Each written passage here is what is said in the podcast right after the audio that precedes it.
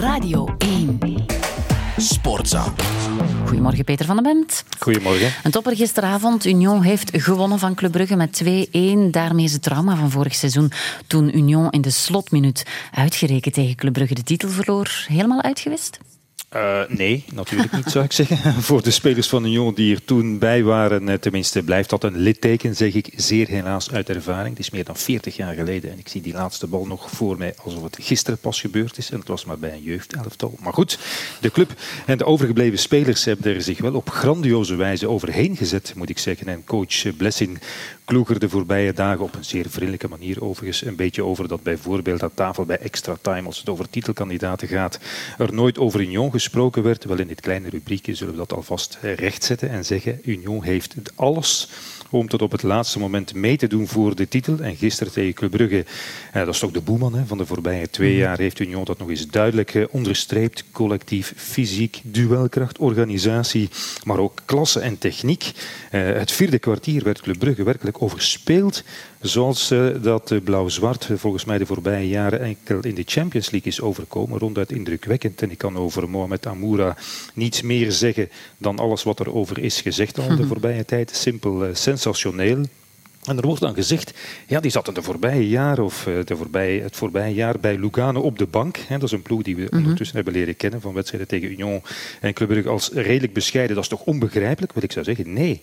Dat is enkel maar omdat de mensen van Union met die Amoura aan de slag zijn gegaan en er nog mhm. mee aan de slag zijn. En hij daardoor die sensatie is geworden die hij vandaag is. En ook dat is alweer knap gedaan. Ja, het was erg bij Club. Hè? De gezichten stonden ook echt op onweer na de wedstrijd. Heel erg. Simpel terug naar af, zou ik zeggen. Een, een tragisch slechte, ontluisterende prestatie. En het verschil uh, met Union was vele malen groter, wat ik al zei, dan uitgedrukt op het scorebord. En het uh, uh, geluk van Club Brugge bleek inderdaad, na die drie belangrijke overwinningen, mm -hmm. inderdaad broos. En veel erger nog gisteren, bij veel van die nederlagen of slappe gelijke spelen de voorbije maanden, kon Club Brugge vaak terecht ook wel zeggen, ja, we hadden meer verdiend, we hebben onze kans niet afgemaakt en zo. Maar gisteren was dat helemaal niet. Integendeel, een pak rammel had ook wel gekund in alle onderdelen van het voetbal afgetroefd. Slap in de duels, slecht verdedigd, zwak aan de bal.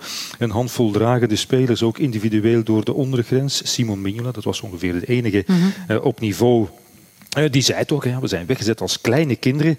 En zelfs met dat duo Balanta-Niels, dat vanaf Lugano moest zorgen voor ja, wat meer realisme, wat meer stabiliteit, had Club Brugge eigenlijk weinig of geen controle, werd het langs alle kanten voorbijgelopen. En, en Deila zei vreemd genoeg na afloop in een interview dat Club Brugge moet leren omgaan met topwedstrijden buiten huis. Ja, er is toch wel wat meer aan de hand dan dat, denk ik. Want dat is vreemd. Toch redelijk veel ervaren spelers die dat allemaal al vaak hebben meegemaakt. Nee, ik denk dat dit voor Club Brugge veel harder aankomt dan de nederlagen bijvoorbeeld eh, bij Standaard of bij Kortrijk. Precies wat ik zei, omdat er toch een beetje prille hoop was op, uh, op hm, beterschap. Herstel, ja. Andere topper, zaterdag tussen Antwerpen en Racing Genk. 3-2 overwinning voor de landskampioen. Dat is ook een overwinning op het goede moment. Ja, heel belangrijk eh, voor Antwerpen. Want de voorbije negen matchen bijvoorbeeld had Antwerpen in de competitie enkel maar kunnen winnen van Eupen en Westerwel, met alle respect. Dit seizoen nog geen topper kunnen winnen, bijvoorbeeld. Eh, na vorige week ook uit de top 6 getuimeld. Het was ook echt wel een uitstekende topwedstrijd tussen twee echt goede ploegen die wilden voetballen. Want Racing Genk was niet noodzakelijk nu zoveel minder dan Antwerp. Alleen gaf het te veel te makkelijk doelpunten en ook nog eh, best wel wat kansen weg. Na twee clean sheets eh, op een rij was dat toch opnieuw eh, een beetje open deur bij Genk. En net als in die memorabele titelwedstrijd tegen Antwerpen op het einde van vorig seizoen werd mhm. Genk, het moet toch eens gezegd, nog eens benadeeld door de scheidsrechter. Ik kan er mij wel iets bij voorstellen dat het een beetje veel begint te worden bij, bij Racing Genk. Maar goed, uh, Antwerpen haalde echt een goed niveau. Balikwisha fladderde uh, over het veld. was adembenemend. Had er vijf kunnen maken eigenlijk. Mm -hmm. Vincent Jansen, die toch een beetje onder vuur lag, uh, niet in zijn beste vorm verkeerde, die scoorde niet alleen sinds een eeuwigheid. Maar hij was weer echt die stalen kapstok waaraan het spel van Antwerpen is opgehangen. En ook een speciale vermelding voor Yusuf. die speelt als vervanger van de geblesseerde Keita. Alsof hij eigenlijk nooit uit de ploeg is verdwenen. dus een goede week voor Antwerpen. En ook die overwinning voor de beker bij Lierse. Ik zou zeggen, nu nog iets proberen rapen in de Champions Champions League morgen bij Porto. En ik heb gelezen, die hebben vrijdag verloren van Estoril. De laatste in de stand. En coach Conceição, die we kennen als, uh, van, met, met zijn beetje temperament, die heeft blijkbaar intern flink ruzie gemaakt. En bijvoorbeeld de medische staf de mantel uitgevecht. Dus wie weet. Wie weet inderdaad. En dan veel of vandaag in de kranten voor Anderlecht. Vlotjes 0-3 op het veld van Cercle Brugge.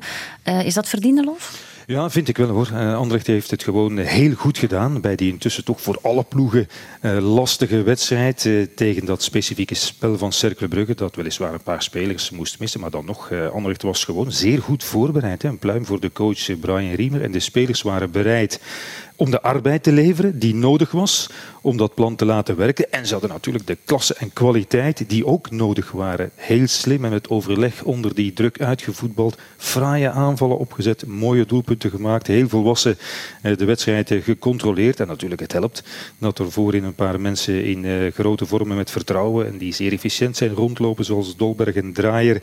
Eh, met Azar hebben ze nu mhm. een echte dirigent die ook al maar beter wordt. En, en voor ons eigenlijk ook uit het niets ineens is daar al een paar weken Mario Stroeikens die Anderlecht eh, lijkt te ontdekken nu. Mhm. Dus dat zijn heel veel troeven. En eh, volgende week volgt alweer een nieuwe test tegen dat ook al ijzersterke agent. Dat lijkt mij een wedstrijd om naar uit te kijken. En dan zien en horen we het wel. Dankzij jou. Dankjewel, Peter van der Mond. Sportza.